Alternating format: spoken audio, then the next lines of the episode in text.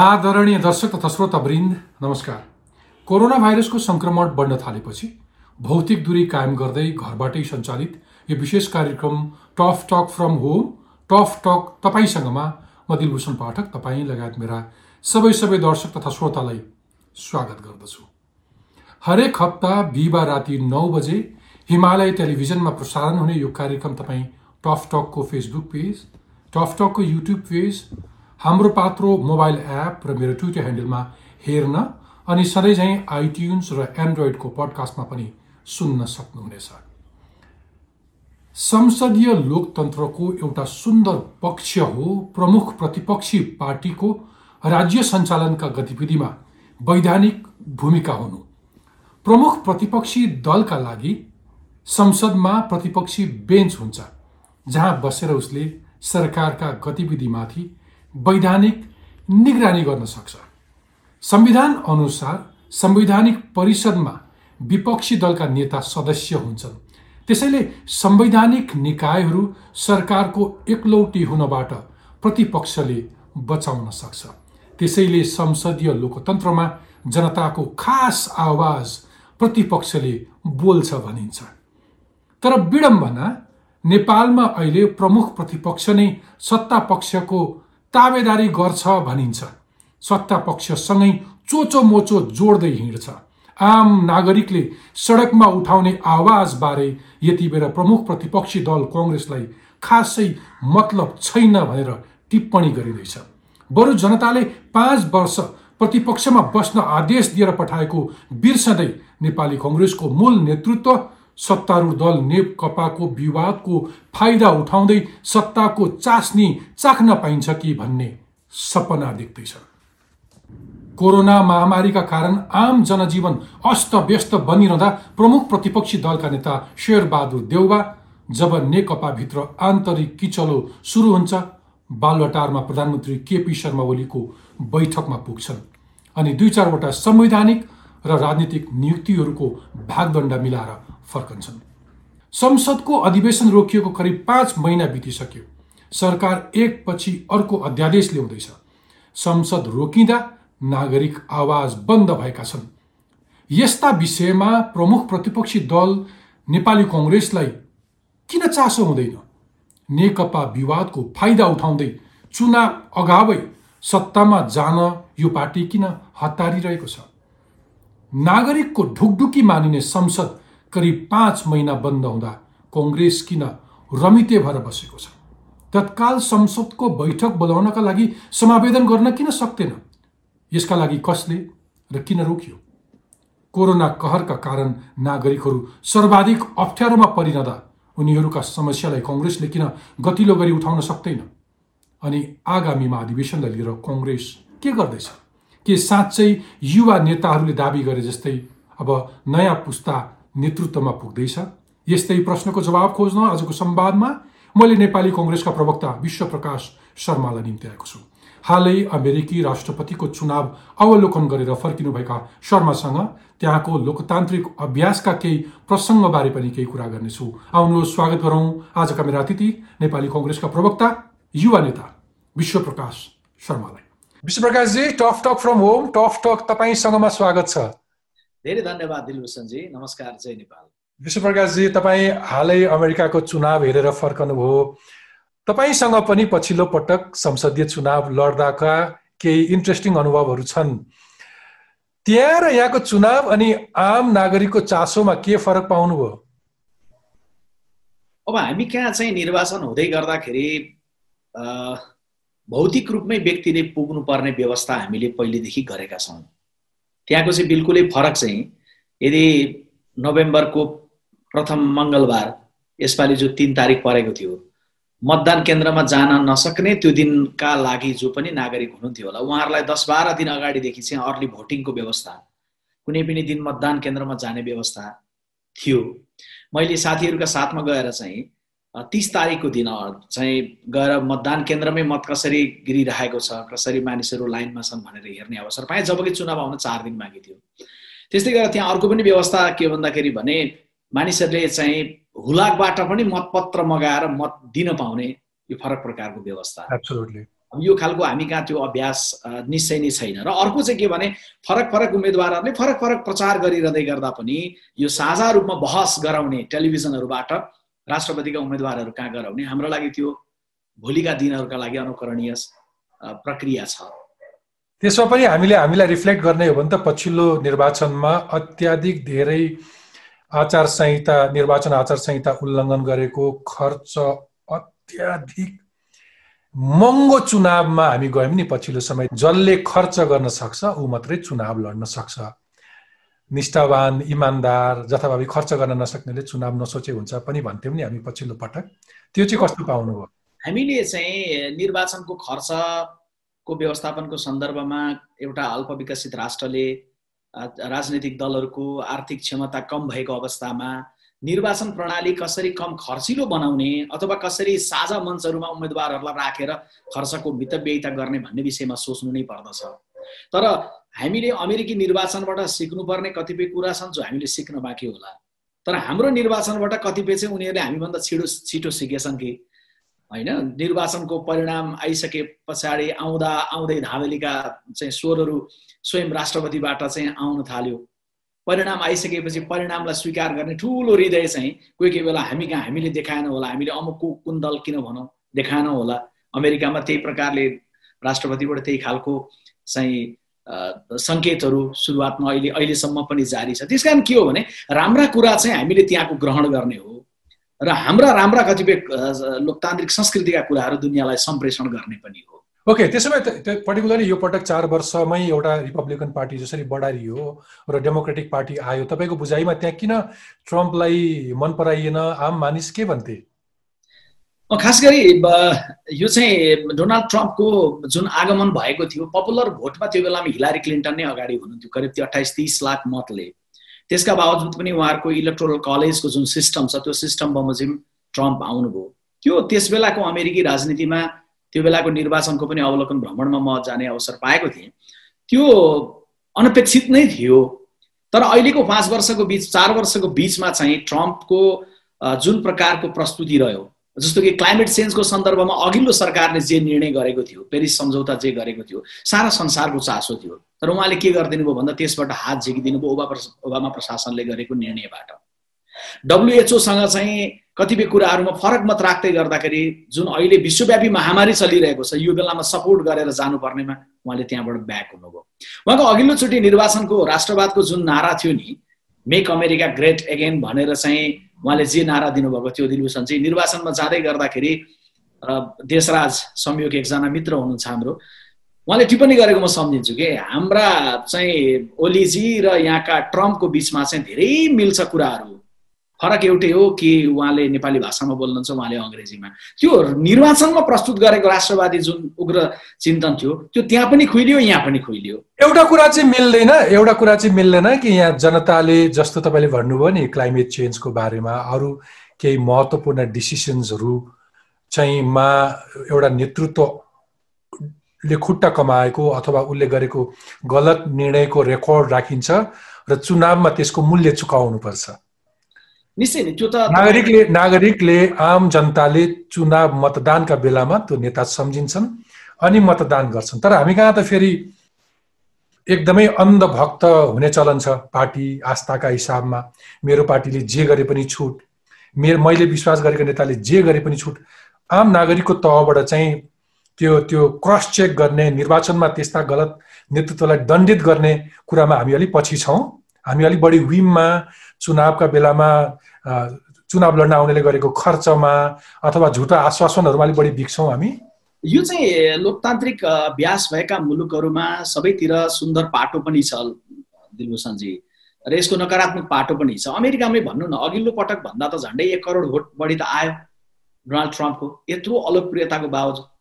सात करोड मानिसले मत दिए।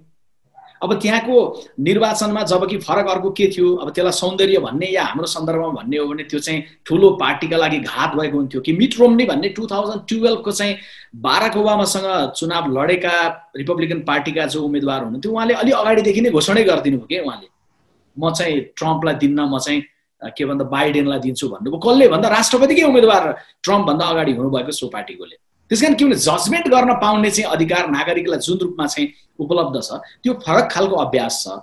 तर हामीले चाहिँ के भन्दाखेरि भने एउटा निष्कर्षमा चाहिँ केमा पुग्नुपर्छ? अमेरिकी निर्वाचनको एक लाइनको सन्देश दुनियाँको लागि र हाम्रा लागि पनि के हो भने कुनै पनि शासक हठी बनिरहन्छन् र जनताको नजरबाट आफूलाई करेक्सन गर्दैनन् भने एक लाइनको सन्देश के हो भने हे हटी शासकहरू हो बदलिएको समयसँगै तिमीले आफूलाई बदल।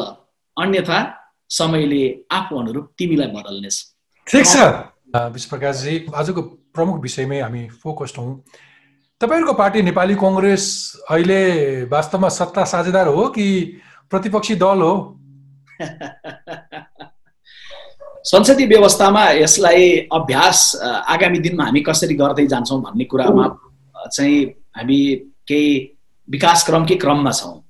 कतिपय बेला के हुन्छ भने सत्ता र प्रतिपक्षको बिचको सम्बन्ध। यति धेरै तपाईँको तिक्त भइदिन्छ कि त्यसले सबै प्रक्रियाहरूलाई असर गर्छ। हामीले यो पनि भोग्यौँ। र कोही बेला यति धेरै चाहिँ तपाईँको प्रतिपक्षले सौहार्द सौहार्दता राख्दछ कि रचनात्मकता राख्ने नाममा चाहिँ अलिक बढी नै बढी हार्दिकता राखेको कुरा पनि समाजलाई डाइजेस्ट नभइरहेको हुनसक्छ जहाँ नेपाली कङ्ग्रेस पार्टी निश्चय नै प्रतिपक्षको रूपमा जति प्रभावकारी अथवा जति जनअपेक्षा अनुरूपको भूमिका हुनु पर्दथ्यो भनेर चाहिँ उठेका होलान् त्यसलाई म स्वीकार्दछु मान्दछु। तर नेपाली कङ्ग्रेस पार्टीले प्रस्तुत गरिरहेको संस्कार बोल्नै नहुने भेट्नै नहुने फरक मत हुने बित्तिकै तपाईँको कालो झन्डा अथवा चाहिँ प्रदर्शन फरक प्रकारको हुने यो खालको संस्कृतिभन्दा फरक रूपमा चाहिँ स्थापित गर्नु पर्दछ भन्ने मान्यता चाहिँ राख्दछ। अनि त्यसो भए तपाईँलाई स्वाभाविक लागिरहेछ तपाईँको पार्टी सभापति बालटारमा प्रधानमन्त्री केपी शर्मा ओलीलाई पर्टिकुलरली नेकपाको विवाद चुलिएका बेलामा खुसु खुसु गएर के के खासखुस गरेको स्वाभाविक नै हो। पहिलो कुरो यो खुसु खुसु पनि होइन खास खुस पनि होइन। पार्टीको निर्णय सल्लाह मुताबिक तपाईँहरूलाई जानकारी गराएर जानुहुन्छ। नेपाली कङ्ग्रेस पार्टीले वर्तमान सरकारको सन्दर्भमा वैशाखको मध्यमा गरेको केन्द्रीय कार्य समितिको बैठकले त निर्णय नै गरेका छौँ कि महामारीको बेलामा भूमिका निर्वाह गर्न सकेन एक र दोस्रो चाहिँ महामारीको बेलामा स्वास्थ्य सामग्री खरिदमा सम्म भ्रष्टाचार गर्यो भनेपछि यो यो यो यो कारणले वर्तमान सरकारले शासन गर्ने नैतिक र राजनैतिक आधार गुमाइसक्यो भनेर हामीले सार्वजनिक रूपमा निर्णय नै गऱ्यौँ नि। त त्यो निर्णय गरिसक्नु मुख्य कुरा हो नि त। हामी त्यो निर्णयको ठाउँमा छौँ नि। त्यो निर्णयको अर्थ चाहिँ हामीले शासन गर्ने नैतिक र राजनीतिक आधार गुमाइसक्यो। अब तिमीसँग हामी बोल्दैनौँ। अब हामी तिमीसँग भेट्दै भेट्दैनौँ भन्ने त होइन नि। अब भेट्नै नजानु भन्ने त होइन नि। अथवा तपाईँहरूको घरमा झगडा भइरहेको छ हे मेरो आदरणीय छिमेकीजीहरू हो तपाईँहरूसँग भेट्नका लागि तपाईँको आँगन टेक्नका लागि मेरो पहिलो शर्त छ कि तिमीहरूको झगडा बन्द गर। यो पनि होइन होला नि त नेपाली संस्कृति त। झन् के भेटघाट हुने कुरालाई मात्रै चाहिँ आपत्तिको रूपमा नल्याउँ। भेटघाटमा के विषयवस्तु भयो? अथवा भेटघाटपछि नेपाली कङ्ग्रेस पार्टीले सार्वजनिक रूपले आफूलाई कुन रूपमा कुन धारणामा उभ्याएको छ भन्ने कुरो मुख्य कुरा हो। त्यसो भए तपाईँ यति स्पष्ट वक्ता प्रमुख प्रतिपक्षी दललाई लोकतन्त्रमा जनताको आवाज मानिन्छ। तर संसद यति लामो समयदेखि बन्द हुँदा पनि कङ्ग्रेसलाई संसद सुचारू गर्न चाहिँ कुनै हतारो लाग्दैन। सरकार एकपछि अर्को अध्यादेश जारी गरिरहेको छ। त्यही अध्यादेश जारी गर्नु अघि बालुवाटारमा तपाईँको सभापति देउबा ओलीसँग कुरा गरेर फर्कन्छन्। अध्यादेश जारी गर्ने होइन? संसद बोलाएर कानुन बनाउनुतिर लागौँ भन्न सकिँदैन? किन? निश्चय नै तपाईँको यो प्रश्नसँग रहेको गाँसिएको आम नेपालीको भावनासँग बिल्कुल म सहमत छु। हामी सहमत छौँ।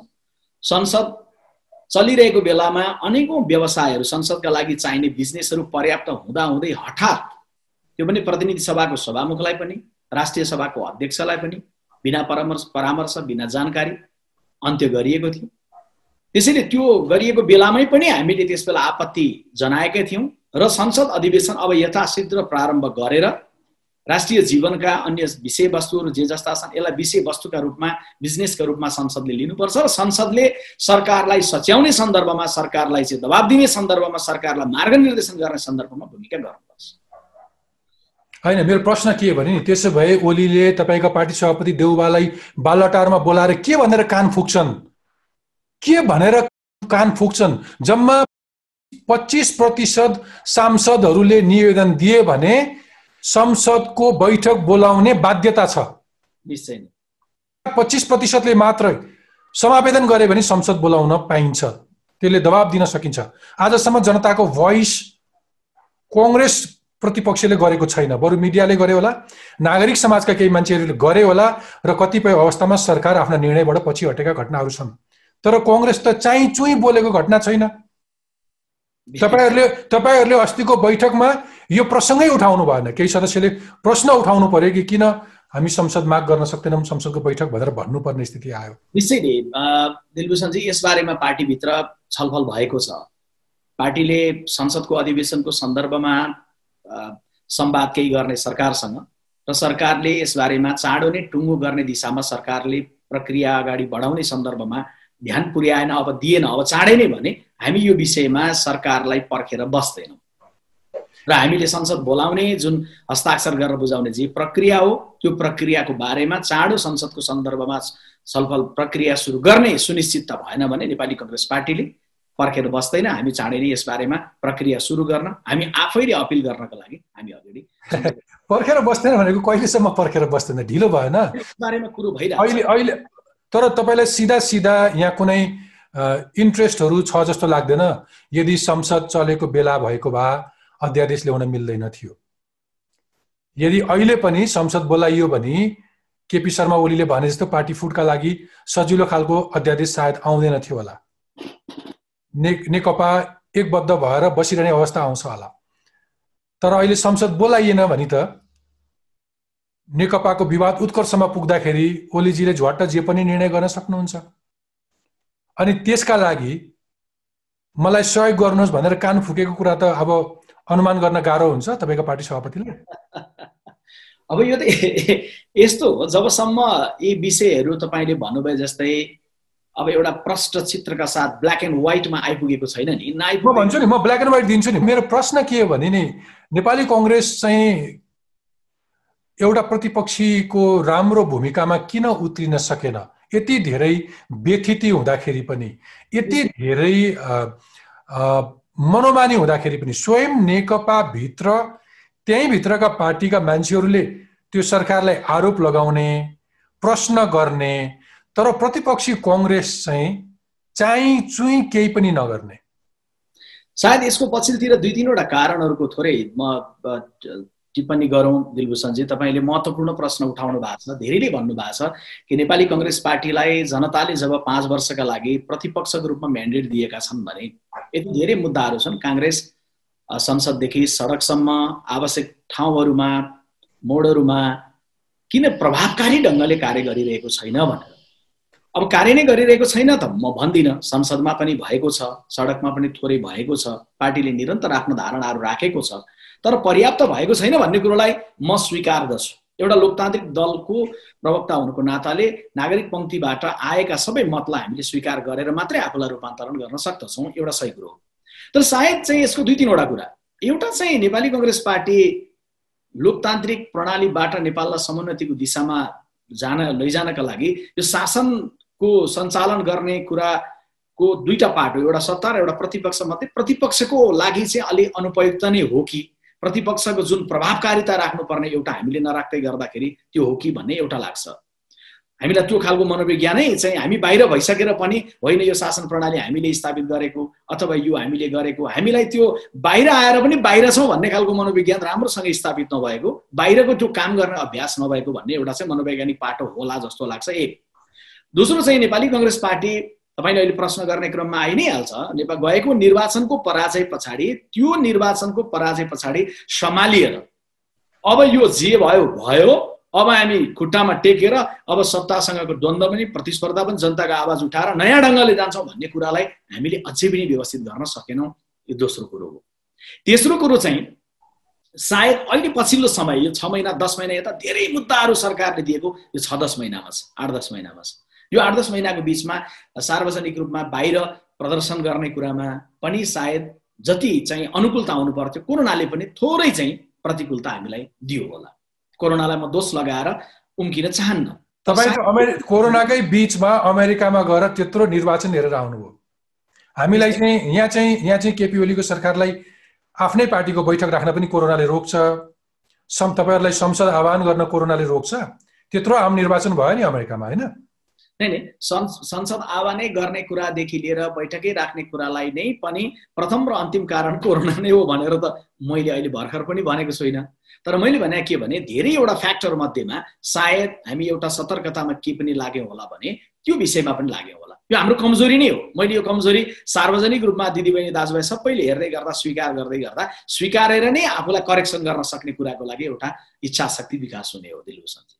ओके पछिल्लो पटक नि यो अहिले धेरै सञ्चार माध्यमहरूले रिपोर्ट गरिरहेको चाहिँ ओलीले तपाईँको पार्टी सभापति शेरबहादुर देवाललाई सत्ता सहकार्यका लागि प्रस्ताव गरे अनि त्यसमा तत्काल सरकारमा सहभागी हुनेदेखि चुनावका बेलामा चुनावी सरकारको नेतृत्व गर्ने नम्बरको अफर आयो। अनि त्यही ललिपपमा चाहिँ तपाईँको पार्टी सभापति अल्झिनु भयो भनेर टिप्पणी छ। केही छलफल भयो? पार्टी सभापति र प्रधानमन्त्रीजीको बिचमा भेटघाट भइसकेपछि हाम्रो पार्टीको बैठक बसेको छैन। दोस्रो कुरो चाहिँ नेपाली कङ्ग्रेस पार्टीले सभापतिजीको भेटघाट पछाडि पार्टीको प्रवक्ता मार्फत बाहिर राखेको धारणा तपाईँले आफैले पनि चलाइरहनु भएको जुन टेलिभिजन छ तपाईँको हिमालयन टेलिभिजनबाट पनि प्रसारण भएकै चाहिँ समाचारको क्रममा कि नेपाली कङ्ग्रेस पार्टीले कोही कसैलाई केही भ्रम छ भने यो स्पष्ट रहनलाई हामी अपिल गर्दछौँ भनेर ट्विट मार्फत हामीले सार्वजनिक गरेका छौँ कि जनताले हामीलाई पाँच वर्षको लागि बाहिर बस्ने म्यान्डेट दिएको हो र हामी चाहिँ कुनै पनि हिसाबले अहिले सत्तामा जाने कुराको लागि चाहिँ कहीँ कुनै संवादमा त्यसमा कुनै प्रकारको आकाङ्क्षामा हामी छैनौँ।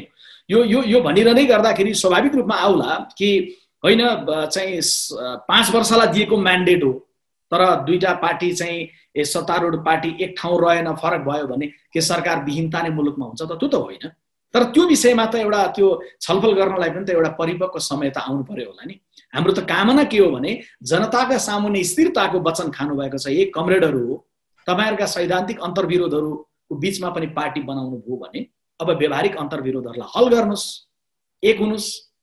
महामारीको बेलामा चाहिँ सत्ताको महामारीतर्फ नलाग्नुहोस् जनताको जीवन रक्षा गर्नतर्फ लाग्नुहोस्। हामीले त्यो भन्यौँ। तर हामी सत्ताको लागि चाहिँ अब यति मन्त्रालय उति मन्त्रालय यसरी छलफल यो विषयमा हामी बिल्कुलै प्रवेश गरेका छैनौँ।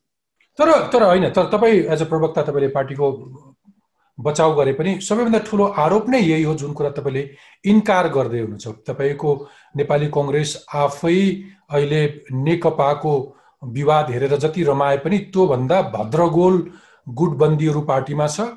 आफ्नै एउटा सुदृढ एउटा स्वस्थ पार्टी नभएका कारणले उसँग यो सरकारमाथि प्रश्न गर्ने नैतिक बल कम छ र यति धेरै गुटको इन्ट्रेस्ट छ कि आउनु आउँदो महाधिवेशन समेतलाई ध्यानमा राखेर ऊ अरू कुराहरूको बार्गेनिङमा छ यो सरकार प्रमुखसँग भन्ने आरोप त हो नि होइन?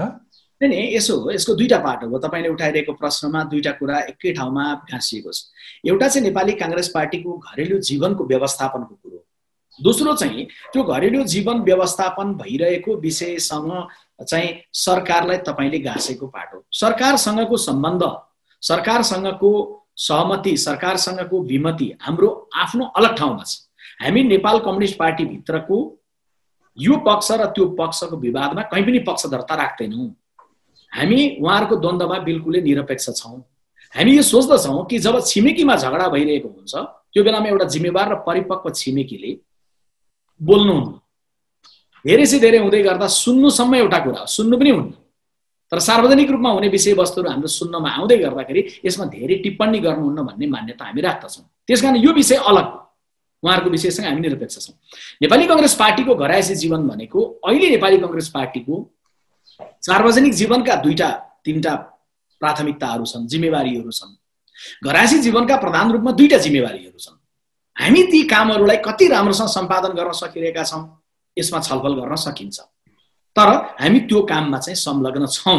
सिङ्गो पार्टी यो गुट उगुट बन्न सम्पूर्ण रूपमै सार्वजनिक जीवनमा तिनवटा राष्ट्रिय राजनीतिको सन्दर्भमा र पार्टी घरेलु राजनीतिको सन्दर्भमा दुईवटा कुरामा चाहिँ हामी बढी रूपमा ओके तपाईँको आन्तरिक छलफलहरू होला औपचारिक बैठकहरू नबसे पनि कुनै न कुनै रूपमा कम्युनिकेसन त हुन्छ होला पार्टीमा। पछिल्लो यो सरकारप्रतिको बुझाइ र तपाईँहरूको एक्सन प्लान्सहरू केही छ? अब सरकारको सन्दर्भमा चाहिँ दिलभूषणजी जे जस्तो सपनाको उडान गरेर यो सरकारको निर्माण भयो त्यसबाट साह्रै धेरै धेरै ठुलो निराशा चाहिँ समाजमा स्थापित भइसकेको छ। त्यो निराशाको ग्राफलाई नाप्ने कुनै वैज्ञानिक यन्त्र छैन होला तर तपाईँलाई एउटा सानो यन्त्र म तपाईँलाई उपलब्ध गराउँछु। कतिसम्म चाहिँ ठुलो आकाङ्क्षा सपनाहरू केपी ओलीजीसँग गाँसिएको रहेछ र त्यो सपनाको मोहभङ्ग यति ठुलो भएको रहेछ कि विपक्षी दलको नेताले उहाँलाई भेटिदिँदै गर्दाखेरि पनि सार्वजनिक रूपमा आलोचना भयो। किन भेटेको होला केपी ओलीजीलाई यतिखेर? भेट्न नहुने हो नि बिदा हुन लागेकालाई जोगाइदिन पो लागे कि? होइन यो बेला चाहिँ केपी ओलीसँग संवाद गर्न नहुने भन्नेसम्मको लेभलमा आयो भने चाहिँ सरकारको बारेमा त्यो मनोवैज्ञानिक चित्रले नै बताउँछ। आउँदै गर्दा कस्तो हवाई उडानका साथ सपनाको एउटा रङ्गीन संसारको परिकल्पनाका साथ सिंहदरबारमा गएको र अहिले दृश्य देखिँदै गर्दा भोगिरहेको यथार्थ भोगिरहेको वर्तमान के भयो? त्यसमा तपाईँहरूको बुझाइ अलिकति पूर्वाग्रही भएको होइन आफ्ना पार्टी सभापतिप्रति? कुन टाइममा कुन पोलिटिसियन्सले कुन पोलिटिसियन्सलाई कुन उद्देश्यका साथ भेटिरहेछन् भन्ने गेस्चर अथवा बडी ल्याङ्ग्वेजले पनि म्याटर गर्छ नि त। यति धेरै व्यतिथि भएको बेलामा कोरोना भाइरसले यति धेरै जनजीवन अवस्था व्यस्त भइरहेको बेलामा यति धेरै भ्रष्टाचार बढिरहेको बेलामा अथवा नागरिकको तहबाट यो सरकारका बारेमा यति धेरै टिप्पणी भइरहँदाखेरि एउटा प्रतिपक्षीको नेताले संसदको माग गर्दैन उसले सार्वजनिक रूपमा सरकारका बारेमा कुनै प्रश्न गर्दैन अनि एउटा निश्चित एउटा असजिलो अवस्थामा कुनै पार्टीको इन्टरनल डिस्प्युट्सहरू बढिरहेको बेलामा कुनै त्यहाँ जानु आफै नै त्यो त्यो उपयुक्त समय होइन भनेर त सबै मान्छेले लोकले टिप्पणी गरिरहेको कुरा हो नि। अलिकति टाइमिङ गलत थियो भन्ने कुरा चाहिँ तपाईँको पार्टी कसैलाई पनि त्यो महसुस भएको छैन त्यसो भए। अब यो चाहिँ यस्तो हो कसैको घरायसी झगडामा यो पक्ष र उपक्ष नलाग्ने भन्ने एउटा पाटो हो। अथवा त्यो घरको घरमुलीले प्राप्त गरेको दायित्व राष्ट्रको लागि जे छ त्यो निर्वाह गर्न नसकिरहेको पाटो सँगैमा गाँसिने कुरा हो। अलि अघि हामीले गरेको निर्णय बमोजिम हामीले राजीनामा शब्द प्रयोग गरेनौँ होला तर कमरेड केपी ओलीले नेतृत्व गर्नुभएको सरकारले शासन गर्ने नैतिक र राजनैतिक वैधता गुमाइसक्यो है भनेर हामीले निर्णय गरेको हाम्रो वैधानिक निर्णयको विषय हो। तर त्यसको अर्थ हामीले गर्ने भेटघाट र सम्बन्धहरूलाई यो ढङ्गले पनि हामीले चाहिँ नजिर स्थापित गर्न चाहिँ सायद उचित हुँदैन लोकतान्त्रिक शासन प्रणालीको सौन्दर्यको लागि। दिलभूषणजी कि त्यो घरभित्र द्वन्द्व भइरहेको बेला त्यो घरको यो या त्यो पक्षसँग बोलचालै बन्द गर्ने भेटघाटै गर्न नहुने अथवा तपाईँसँग भेट्नका लागि मेरो शर्त भनेको होइन। प्रश्न के हो भने तपाईँको पार्टी सभापति तपाईँका पार्टीभित्रका मान्छेसँग कति बोलचाल गरिरहेछन् भन्ने पनि हो। रामचन्द्र पौडेलसँग कति धेरै भेटघाट हुन्छ बोलचाल हुन्छ अथवा तपाईँहरूको आन्तरिक लोकतन्त्र अथवा आन्तरिक संवाद नै कति छ? केपी ओलीलाई भेट्नु र संवाद गर्नु आपत्ति होइन। आफ्नो पार्टी पनि रिफ्लेक्ट गर्नुपर्छ। एनिवेज म अब नेपाली कङ्ग्रेसको मैले यसमा मैले क्लियर गरिहाल्नुपर्छ। किनभने उता केपी ओलीजीसँग चाहिँ भेटघाट र संवाद भयो आफ्नै पार्टीभित्र चाहिँ भइरहेछ किन कि भन्ने कुरामा तपाईँले प्रश्न उठाएपछि देशभरि हेरिरहनु भएका देश दुनियाँमा सबैलाई आशंका हुन्छ कि काङ्ग्रेसभित्र संवादहीनता पो छ कि। प्रवक्ताको रूपमा मैले क्लियर गर्नै पर्छ। तिहारको भन्दा ठ्याक्कै अगाडि नेपाली कङ्ग्रेस केन्द्रीय कार्य समितिको बैठक बस्यो। र बैठकले सबै विषयहरूमा सर्वसम्मतिले निर्णय गर्यो। त्योभन्दा अगाडि त्यो निर्णयमा पुग्नुभन्दा अगाडि तपाईँलाई जानकारी नै छ। पार्टीका वरिष्ठ नेता रामचन्द्र पौडेलले र केन्द्रीय कार्य समितिका अरू नेताहरूले सत्ताइसजनाले सोह्रवटा बुँदामा उल्लेख भएर केही फरक मतहरू पार्टीमा दर्ता गराउनु भएको थियो। ती विषयमा पार्टी सभापतिजीकै निवासमा चार चार दिन जति र केन्द्रीय कार्यालयमा अरू चार पाँच दिन जति पार्टी पदाधिकारीहरू पूर्व पदाधिकारीहरूको छलफल पनि बडा सौहार्दपूर्ण तरिकाले भयो र कम्तीमा त्यस बेला तपाईँले सम्झिनुभयो भने नेपाली कङ्ग्रेस पार्टीको सारा कुराहरूको बिचमा हार्दिकता बनाएर अनि सबै केन्द्रीय सदस्यहरूको पिसिआर परीक्षण गरेर अनि नेगेटिभ आउनुभएका साथीहरूको बैठक सबै बसेर अनि केन्द्रीय कार्य समितिले हार्दिकतापूर्वक निर्णय गरेको छ। ठिक छ हाम्रा बिचमा विमतिहरू थिए। अहिले पनि छन् भोलि पनि रहलान् आउलान्। तर त्यसको अर्थ नेपाली काङ्ग्रेस पार्टीभित्र हार्दिकता संवाद छलफल बहस सभापति र वरिष्ठ नेताको बिचमा अरू अरूको बिचमा भइरहेको छैन र हामी चाहिँ के भन्दाखेरि भने सत्तारूढहरूसँग चाहिँ बढी नै गर्नतिर लाग्यौँ कि भन्ने खालको भ्रमबाट चाहिँ हामी मुक्त रहनै पर्छ ठिक छ। होइन तपाईँको नेतृत्वले तपाईँको पार्टीभित्र कति कुरा सुन्छ भन्ने कुरा हो। मलाई अर्को प्रश्न तपाईँलाई सोध्न मन लागेको चाहिँ नेपाली कङ्ग्रेस पार्टी अहिले पार्टीकै रूपमा छ कि उही गुट गुटको झुन्डको रूपमा मात्रै रहेको छ? पछिल्लो समय।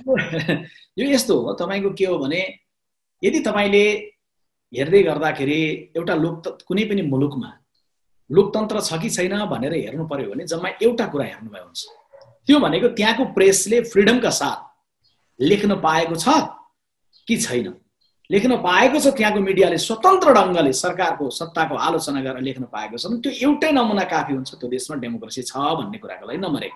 नम्बर दुई त्यो देशको डेमोक्रेसीभित्र चाहिँ डेमोक्रेटिक पार्टीभित्र चाहिँ डेमोक्रेसी छ कि छैन त?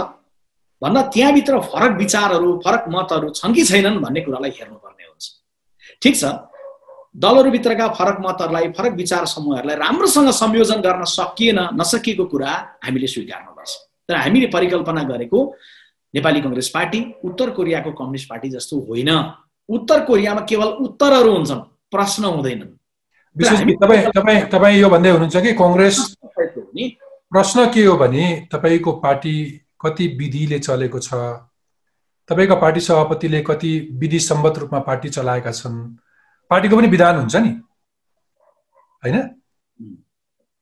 अहिले केपी शर्मा ओलीलाई विधि विधान विपरीत चलेको भनेर त्यहाँ पार्टीका मान्छेहरूले आरोप लाउनुभन्दा बढी गुणा आरोप त तपाईँहरूको पार्टीभित्र थियो नि होइन? पार्टी सभापतिले विधि सम्मत रूपमा यत्रो समयका बिचमा पनि कति भातृ सङ्गठनहरू लाई सञ्चालनमा ल्याएनन्। मनलाग्दी मान्छेहरूलाई टिप्ने काम भयो मनलाग्दी मान्छेहरूलाई फाल्ने काम भयो भन्ने आक्षेप त प्रशस्त लाग्ने गरेका छ नि। त्यो स्वाभाविक लोकतन्त्रमा पर्ने कुराहरू हुन् पार्टीभित्र हुने सामान्य कुराहरूभित्रै पर्छन्।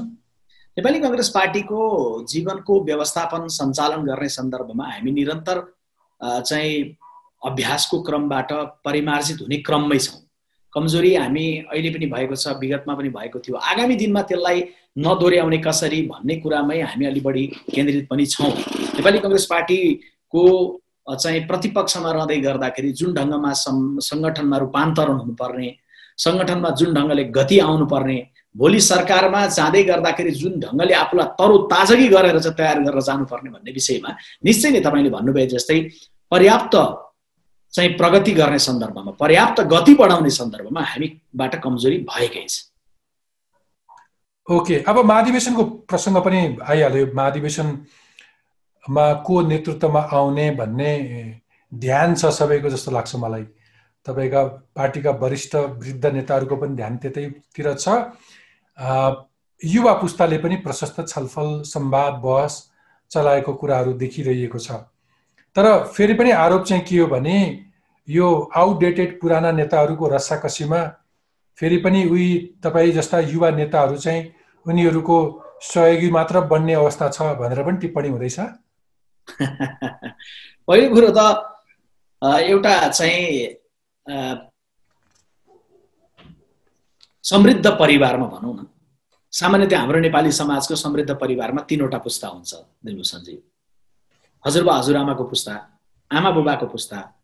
र उदाउँदै गरेको युवाहरूको पछिल्लो नाति नातिनाको एउटा बालबालिकाहरूको पुस्ता। त्यो परिवार समृद्ध नै मानिन्छ। त्यस्तै गरी एउटा राजनीतिक दलभित्र त्यही समाजको प्रतिबिम्ब हो। त्यो समाजमा रहेका सबै उमेर समूहहरूको प्रतिनिधित्व त्यो राजनीतिक दलमा हुन सक्नु सुन्दर पाटो हुन्छ। मात्रै रह्यो नेतृत्वमा युवाहरूको बढोत्तरीको कुरो तपाईँ यसमा गाँसिएको विषय हो। नेपाली कङ्ग्रेस पार्टीमा बढोत्तरी युवाहरूको विगतमा भन्दा बढी भएको छ। र अहिले हामी आइपुगेका जिम्मेवारीमा रहेका कैयौँ युवाहरू पनि तपाईँले भने जस्तो सहयोगीको रूपमा भनेर कहीँ बिर्तामोडको बजारमा हिँड्दै गर्दा टपक्क काँक्रे भिट्टाको चोकबाट टिपेर त विश्व प्रकाश पनि ल्याइएको होइन नि। नेपाली कङ्ग्रेस पार्टीको केन्द्रीय महाधिवेशनमा देशैभरिबाट आउनुभएका महाधिवेशन प्रतिनिधिहरूले आफ्नो विवेक प्रयोग गरेर चयन गरेको निर्वाचित गरेको केन्द्रीय सदस्य मध्येमा जसरी विश्व प्रकाश हो आए पछाडि उसले थप जिम्मेवारी प्रवक्ताको रूपमा प्राप्त गर्यो होला सभापतिबाट। त्यस्तै गरेर केन्द्रीय कार्य समितिमा युवाहरूको सङ्ख्या छ। ठुलो सङ्ख्या छ। अब त्यो सङ्ख्या अहिले जुन सङ्ख्या छ आगामी निर्वाचनमा अहिले गनिरहेको सङ्ख्या जुन छ योभन्दा दोब्बर हुन्छ। र पार्टीको पदाधिकारी चौध पन्ध्रजनामा पनि नेपाली कङ्ग्रेस पार्टीको युवाहरूको पङ्क्ति राम्रो ढङ्गले राम्रो हैसियतका साथ राम्रो नेतृत्व गर्ने योग्यता प्रस्तुत गर्दै नै उपस्थित हुन्छ। यसलाई यसलाई अलिकति अलिकति फोकस्ड अलिकति क्लियर पार्न सकिन्छ। युवा पुस्ता भनिएका तपाईँ जस्ता धेरै नेताहरू करिब करिब अब पचास वर्षको छेउछाउ तलमाथि पुगिसक्नु भएको छ। आउने महाधिवेशनमा तपाईँ जस्ता युवाहरू कुन तहमा पुग्छन्? अब मैले युवाहरू सबै यो यो साथीहरू यो यो पदको आकाङ्क्षी हुनुहुन्छ र यो यो साथी यो यो पदमै विजयी बन्नुहुन्छ भनेर पुरै गणित भन्न सक्ने अवस्था निश्चय नै हुँदैन। तर तपाईँले भने जस्तै पचासको हाराहारीका हामी युवाहरू पचास पुग्न लाग्दै गरेका विश्व प्रकाशहरू या पचास भर्खरै कटेका दुई चार पाँच वर्ष भएका साथीहरूको सङ्ख्या चाहिँ पार्टीको केन्द्रीय नेतृत्वमा पदाधिकारी तहमा प्रभावकारी ढङ्गले आउनुहुन्छ। यद्यपि अहिले नै मैले टिप्पणी गर्नु केमा हतारो हुन्छ भने महाधिवेशन गर्ने वातावरण निर्माण गर्ने महाधिवेशनका लागि अघिल्तिर रहेका समस्याहरूलाई न्यूनीकरण गर्ने गराउने दिशामा लाग्ने महाधिवेशनबाट देशका लागि दसदेखि पन्ध्र वर्षसम्मको सपनाको बारेमा छलफल र बहस र एउटा निष्कर्षमा पुर्याउने तर्फ लाग्ने यी विषयहरूमा केन्द्रित हुँदै गर्दाखेरि अब को को साथी नै सभापतिकै लागि चाहिँ युवा खडा हुनु होला महामन्त्रीको लागि खडा हुनु होला त्यस कारण त्यो खडा हुने परिस्थिति र वातावरण पर्याप्त परिपक्व रूपमा विकसित नभइकन अब यति मात्रै आउलान् यति नआउलान् भनेर भनिहाल्नु पनि हतारो हुन्छ। तर म यति चाहिँ सैद्धान्तिक रूपमा भन्न सक्दछु पहिलोभन्दा चाहिँ नेतृत्व पङ्क्तिमा बढोत्तरी हुन्छ र ठुलो सङ्ख्या चाहिँ तल गाउँ तहदेखि नै महाधिवेशनमा चाहिँ नेपाली कङ्ग्रेस पार्टीको ठुलो सङ्ख्या युवाको चाहिँ होइन मेरो प्रश्न त्यो कसरी हुन्छ भन्ने तपाईँको अलिकति प्रवृत्ति हेर्ने हो भने तपाईँहरूको पार्टीको महाधिवेशनमा स्वतन्त्र रूपमा कुनै युवा उठ्यो भने उसको हार्ने सम्भावना हुन्छ। त्यसैले पनि जित्नका लागि कुनै न कुनै नेताको पछि लागेर आफ्नो सुरक्षित स्थानका लागि प्रयत्न गरिएको प्रशस्त कारणहरू छ। त्यही कारण एउटा औसत अथवा असक्ष असक्षम देखिसकेको नेताहरूकै फेरो समाएर फेरि आउने अवस्था हुन्छ कि इन्डिपेन्डेन्टली आफ्नै एउटा जोस जाँगर अथवा आफ्नो एउटा कन्फिडेन्सले आउने स्थिति छ भन्ने पनि हो। अब यो चाहिँ मलाई लाग्छ कि नेपाली कङ्ग्रेस पार्टीको सभापति र महामन्त्री पदको उम्मेद्वार बन्ने साथीहरू को को आधिकारिक बन्नुहुन्छ तपाईँको भाषाको? को को स्वतन्त्र बन्नुहुन्छ तपाईँकै भाषाको? त्यो अहिले नै पार्टीको प्रवक्ताले अनुमान गर्ने र सार्वजनिक रूपमा टिप्पणी गर्ने विषयवस्तु बिल्कुलै होइन। नेपाली कङ्ग्रेस पार्टीको महाधिवेशनमा यसपालि युवाहरूको एउटा ठुलो आदि आउँछ। र त्यो आदि केवल नेतृत्व पङ्क्तिमा आफूलाई स्थापित गर्ने ढङ्गले आउँदै यदि तपाईँले विश्वप्रकाशलाई भन्नुहुन्छ भने विश्वप्रकाश शर्मा पार्टीको पदाधिकारी तहमा निश्चितै रूपमा उम्मेदवार हुन्छ। तर उम्मेदवार हुँदै गर्दाखेरि मेरो चासो केवल म या मेरो पुस्ताको हुँदैन। म पाएको पुस्तालाई पनि कसरी समन्वय गर्न सकिन्छ भने सोचौँला अथवा राजनीतिमै संलग्न नरहेको युवाको पनि प्रतिनिधित्व गरेर उसको लागि चाहिँ अबको पन्ध्र वर्षमा देश कस्तो बन्छ भन्ने खालको एउटा सपनाको खाका नेपाली कङ्ग्रेसले महाधिवेशनले निर्माण गर्नुपर्दछ भन्ने कुरा सोचौँला मलाई लाग्छ कि त्यो दिशामा सोच्ने हो नि।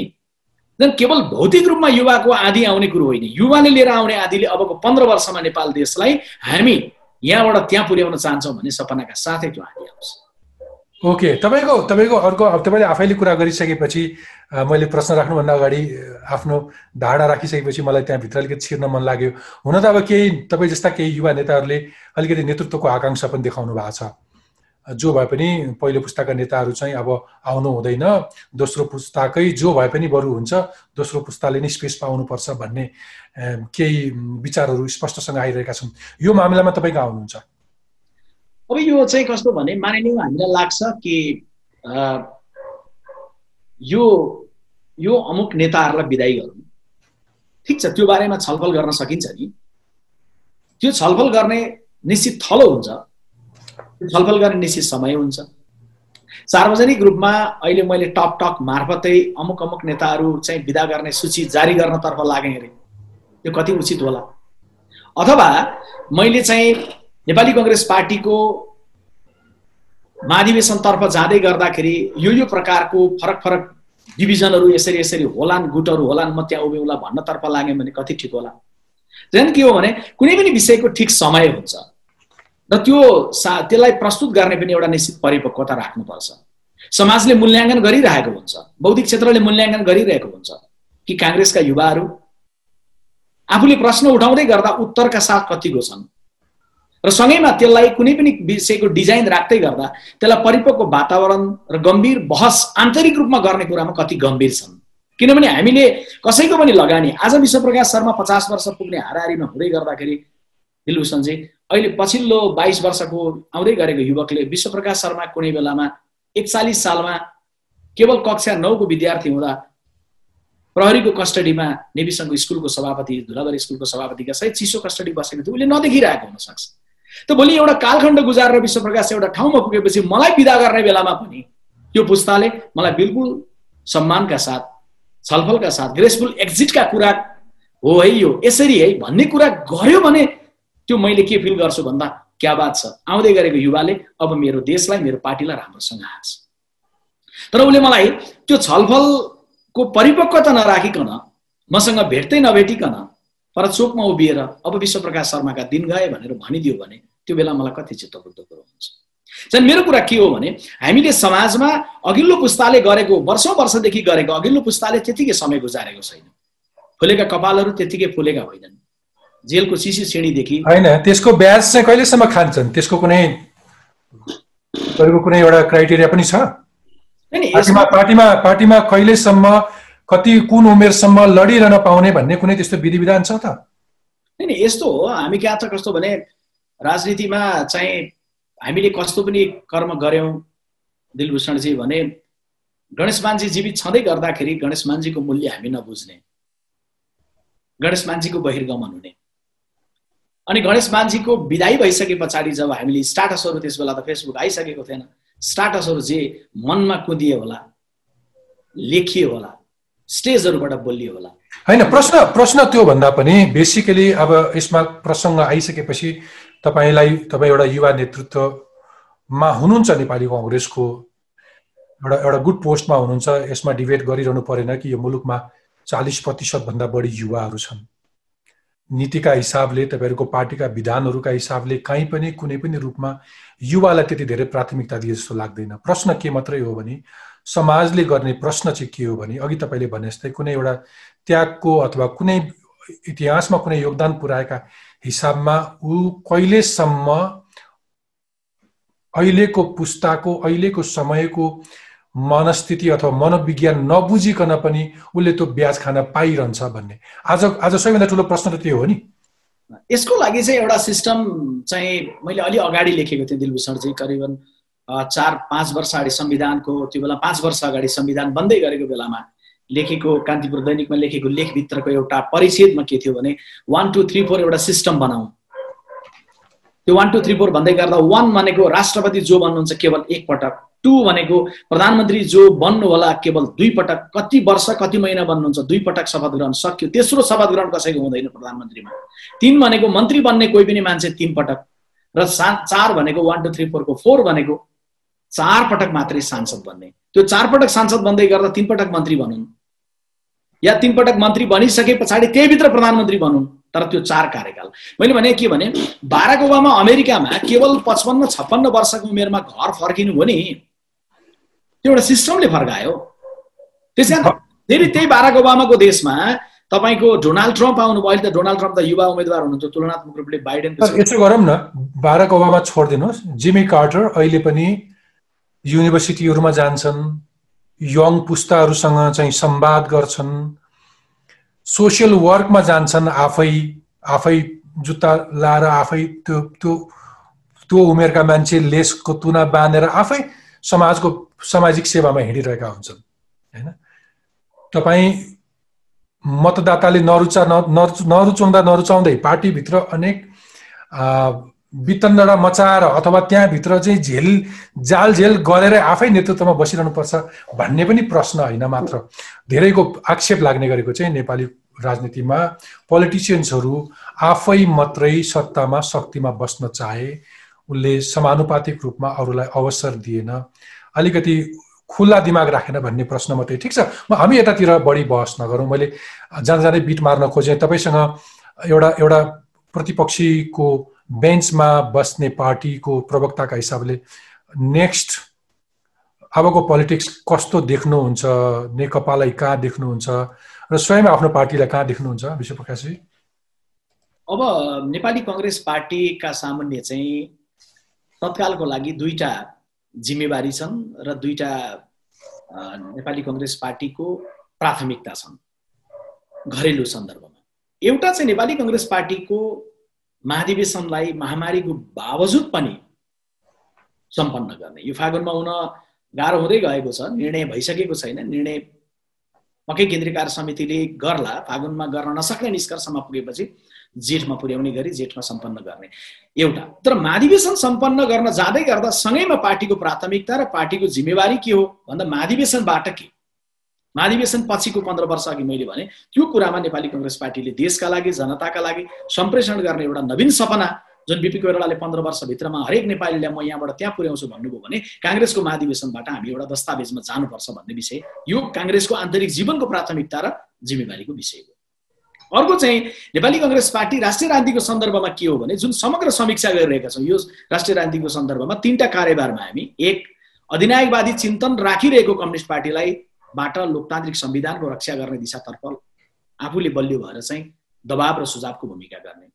दोस्रो चाहिँ महामारीबाट नेपाली जनतालाई जोगाउनका लागि जे जति क्षति भएको छ त्यो क्षतिलाई अब न्यून गर्दै अब यो महामारीबाट जनतालाई जोगाउनका लागि सरकारलाई सघाउने पनि सरकारलाई दबाब दिने पनि। र तेस्रो कुरो सँगैमा फेरि सरकारसँगै सम्बन्धित विषय के हो भने वर्तमान सरकार बनेपछि कमरेड प्रचण्डको लिस्टमा त लामै आएको छ अहिले त्यसमा टिप्पणी नगरौँ कुन कुन कुन कुन भ्रष्टाचारको प्रकरण वाइट बडीदेखि लिएर ओम्नीदेखि लिएर योदेखि त्योदेखिसम्म त यी विषयहरूको सर सन्दर्भमा सरकारले गरेका कमजोरीहरू सरकारका सुशासनभन्दा मूल्यभन्दा बाहिरका कुराहरू भ्रष्टाचारका विवरणहरू जनता समक्ष ब्लु प्रिन्ट प्रिन्टका रूपमा राख्ने र जनतालाई चाहिँ भन्ने कि उहाँहरूबाट यो चल्दैन। त्यसैले यो सबै कुरामा नेपाली कङ्ग्रेस सामेल हुँदै गर्दा एक लाइनमा दुइटै कुरालाई सारमा लिएर आउँदै भन्दै गर्दा काङ्ग्रेसले अहिले आफूलाई तीव्रतर ढङ्गले महाधिवेशन सँगसँगै रूपान्तरण गर्ने र अबको देश चलाउन जाँदै गर्दा कम्युनिस्टबाट भएन है भनेर पुग्दैन। कम्युनिस्टबाट भएन है भन्दै गर्दा त्यसो भए के हो? काङ्ग्रेसले चाहिँ कसरी हामी गर्छौँ त भन्ने कुराको डिजाइनका साथ नेपाली कङ्ग्रेस अगाडि आउने। त्यति मात्र हो तपाईँले बाँकी कुरा नबुझेको कि मलाई नभन्नु भएको? कङ्ग्रेस त अब यो सरकार ढल्छ अथवा पार्टी फुट्छ त्यस पछाडि त्यो मौका हामीलाई प्राप्त हुन्छ भनेर सपना देख्न थालिसकेका छ नि होइन र? नेपाली काङ्ग्रेस केही कुरा गर्नुभएको हो भने नेपाली कङ्ग्रेस पार्टीभित्र व्यक्तिगत रूपमा कहीँ कसैले मनमा केही राख्नु भएको छ भन्ने आशंका हो भने त्यो अलग पाटो हो। अन्यथा नेपाली कङ्ग्रेस पार्टीको निर्णय नेपाली काङ्ग्रेस हो। नेपाली काङ्ग्रेस पार्टीले भोलि उहाँहरूको बिचमा द्वन्द्व भइसके पछाडि नयाँ सन्दर्भमा नयाँ निर्णय नै नहोला नगर्नु पर्ला म भन्दिनँ। तर नेपाली कङ्ग्रेस पार्टी अहिलेको अपिल र आग्रह के गर्दछ भन्दाखेरि भने यो सरकारलाई हेर्दै गर्दा हामीलाई पहिल्यै थाहा थियो दिलभूषणजी कि यो सरकार बन्दै गर्दाखेरि सिद्धान्तको जगमै बनेको होइन। नेकपाको एकीकरण सिद्धान्तको जगमा होइन सत्ताको जगमा भएको। एउटाले अर्कोलाई कम्युनिस्टै देख्नु नथ्यो तर जब उहाँहरू एक हुनुभयो दुईवटा कम्युनिस्ट पार्टी एक भएको भन्नुभयो। डिजेल र पेट्रोललाई ल्याएर मिसाइदिनु पऱ्यो एउटा गाडीलाई भर्नु र अगाडि लिएर जानतर्फ लाग्नु यसका चालकहरूलाई पहिल्यै थाहा थियो कि डिजेल र पेट्रोल मिलाएर चलाएको गाडीको इन्जिन सिज हुन्छ। अहिले धकेल्दै हुनुहुन्छ। नेपाली काङ्ग्रेस पार्टीको अहिले पनि अपिल र आग्रह के हो भने सैद्धान्तिक अस्पष्टताहरूलाई क्लियर गर्नुहोस् व्यावहारिक रूपमा हार्दिक बन्नुहोस् र शासन सत्ता पाँच वर्ष जनताले देख्छ तपाईँहरू चलाउनुहोस्। हाम्रो सत्ताका लागि आकाङ्क्षा राख्नुपर्ने नेपाली काङ्ग्रेसले बिल्कुल काम छैन। काङ्ग्रेसले आफूलाई रूपान्तरित गर्ने नयाँ डिजाइनका साथ आउनुतर्फ लाग्ने र आगामी निर्वाचनबाट चाहिँ हामी चलाउनतर्फ लाग्छौँ है भन्ने इच्छा शक्तिलाई विकास गर्ने चाहिँ हाम्रो कर्तव्य। तर तपाईँको पार्टीका वरिष्ठ केही नेताहरूले सार्वजनिक अभिव्यक्ति दिन थालिसके। यो सरकार ढल्ने भयो पार्टी फुटेर। भने नेपाली कङ्ग्रेस अगाडि सर्नुपर्छ हामी हामी त्यसका लागि तयार छौँ भन्ने आशय दिन थालिसक्नु भयो होइन व्यक्तिगत रूपमा विश्लेषणहरू नै राख्न नपाउने भन्ने त बिल्कुलै हुन्न नि। मैले भन्दै गरेको त नेपाली काङ्ग्रेसको लाई चाहिँ जनताले के म्यान्डेट दिएको छ? निर्वाचनमा मैले त्यो बताएको। नेपाली काङ्ग्रेस केन्द्रीय कार्य समितिले के निर्णय गरेको छ? मैले त्यो बताएको हो। मैले नेपाली काङ्ग्रेस पार्टीभित्रबाट रहनुभएका साथीहरूले यो सरकार ढल्छ सक्छ भन्ने अनुमान गरेपछि त्यो अनुमान पछाडि नेपाली काङ्ग्रेस पार्टीले सरकारलाई बाहिरबाट यो या त्यो समूहलाई सघाउनुपर्छ या आफू जानुपर्छ भनेर व्यक्तिगत रूपमा गर्न सक्ने विश्लेषण राख्नुहुने अनुमान पूर्वानुमानहरूको स्वतन्त्रताको त हनन गरेर उहाँहरूले बोल्नु हुन्न बोल्न पाउनुहुन्न त भन्नु मिलेन नि मैले। त्यस कारणले के हो भने समीक्षाहरू गर्ने अनुमानहरू विश्लेषणहरू गर्ने कुरा बिल्कुल स्वाभाविक हुन्। तर नेपाली काङ्ग्रेस पार्टीले आम जनताको चाहना र अपेक्षा धेरै पार्टी पङ्क्तिको चाहना र अपेक्षा मुलुकको तत्कालीन वस्तुगत अवस्थाले जे माग गर्दछ त्यो बमोजिम नै नेपाली काङ्ग्रेसले विधिवत रूपमा केन्द्रीय कार्य समितिको बैठक बसेरै हामी निर्णय गरेर जान्छौँ। यो संस्थागत परिपाटी हामीले स्थापित गरेका छौँ। अढाई तिन वर्ष यता हेर्नुभयो भने हरेक महत्त्वपूर्ण निर्णय हामीले केन्द्रीय कार्य समितिको बैठकबाटै गरेका छौँ। यो विषयमा पनि त्यस्तो केही आइहाल्यो। नआओस् त्यस्तो अवस्था त्यस्तो नौबत नआओस्। तर के आइहाल्यो भने के गर्ने भन्ने सन्दर्भमा हामी केन्द्रीय कार्य समितिको बैठकबाटै निर्णय जाँदा जाँदै अन्तिम प्रश्न तपाईँले कुनै अनुमान गर्न सक्नुहुन्छ कि तपाईँले अब पार्टीले सरकारलाई प्रेसर दिन्छ अथवा पार्लियामेन्टलाई हामी अलिकति फङ्सनेबल बनाउँछौँ हाम्रो उपस्थिति संसदमा हुनेछ भन्ने त्यस्तो केही छ? निश्चय नै नेपाली कङ्ग्रेस पार्टीको हामी अहिले अनौपचारिक आन्तरिक कुराकानीहरू छलफलहरू भइरहेको छ संसदको अधिवेशनको सन्दर्भमा। र सँगैमा चाहिँ हामी के पनि गरिरहेका छौँ भने कमरेड प्रचण्डले लामै फेरिस जे राख्नुभयो त्यसको भिजुअल रेकर्ड त्यो मात्रै तपाईँको चाहिँ अक्षरका रेकर्ड होइन। हामी त्यसको चाहिँ चित्रका रेकर्डहरू सहित पनि छौँ। कमरेड केपी ओलीले जे जवाब दिनुभयो थप जवाब के दिनु होला उहाँहरूको भोलि हार्दिकता होला। उहाँहरूको बिचमा एकता होला। अहिले उहाँहरूले कमरेड प्रचण्डले के के बोल्नुभयो के ठिक बोल्नुभयो के बेठिक बोल्नुभयो काङ्ग्रेसको धारणा के छ भन्दै गर्दा हाम्रो केही पनि धारणा छैन। उहाँहरूको घर गृहस्थीको मामिला हो उहाँहरूले सल्टाउनुहुन्छ। तर घर गृहस्थीको मामिला हुँदै गर्दाखेरि पनि जे जस्ता विषयवस्तुहरू भ्रष्टाचारदेखि लिएर समग्र सन्दर्भमा जे जे आएका छन् अब उहाँहरूको मात्रै विषयवस्तु रहेन। त्यो विषयमा ठिक समयमा ठिक ढङ्गले नेपाली काङ्ग्रेस पार्टीले बोल्नेछ संसदमा पनि बोल्नेछ सडकमा पनि बोल्नेछ जनताको बिचमा पनि गएर बोल्नेछ र यो कुराको लागि नेपाली कङ्ग्रेस पार्टी बिल्कुल तम तयार छ। विश्वप्रकाशजी तपाईँको महत्त्वपूर्ण समय र विचारका लागि धेरै धेरै धन्यवाद। हवस् धेरै धेरै धन्यवाद दिलभूषणजी। दर्शक वृन्द कार्यक्रमको अन्त्यमा तपाईँको प्रश्न। नमस्कार मेरो नाम विशाल श्रेष्ठ प्रदेश नम्बर तिन काठमाडौँ बानेश्वरबाट। मेरो प्रश्न मुख्यमन्त्रीज्यूलाई। अहिले भइरहेको कोरोनाको महामारीको कारणले म लगायत हजारौँ युवाहरू बेरोजगार हुन पुगेका छन्।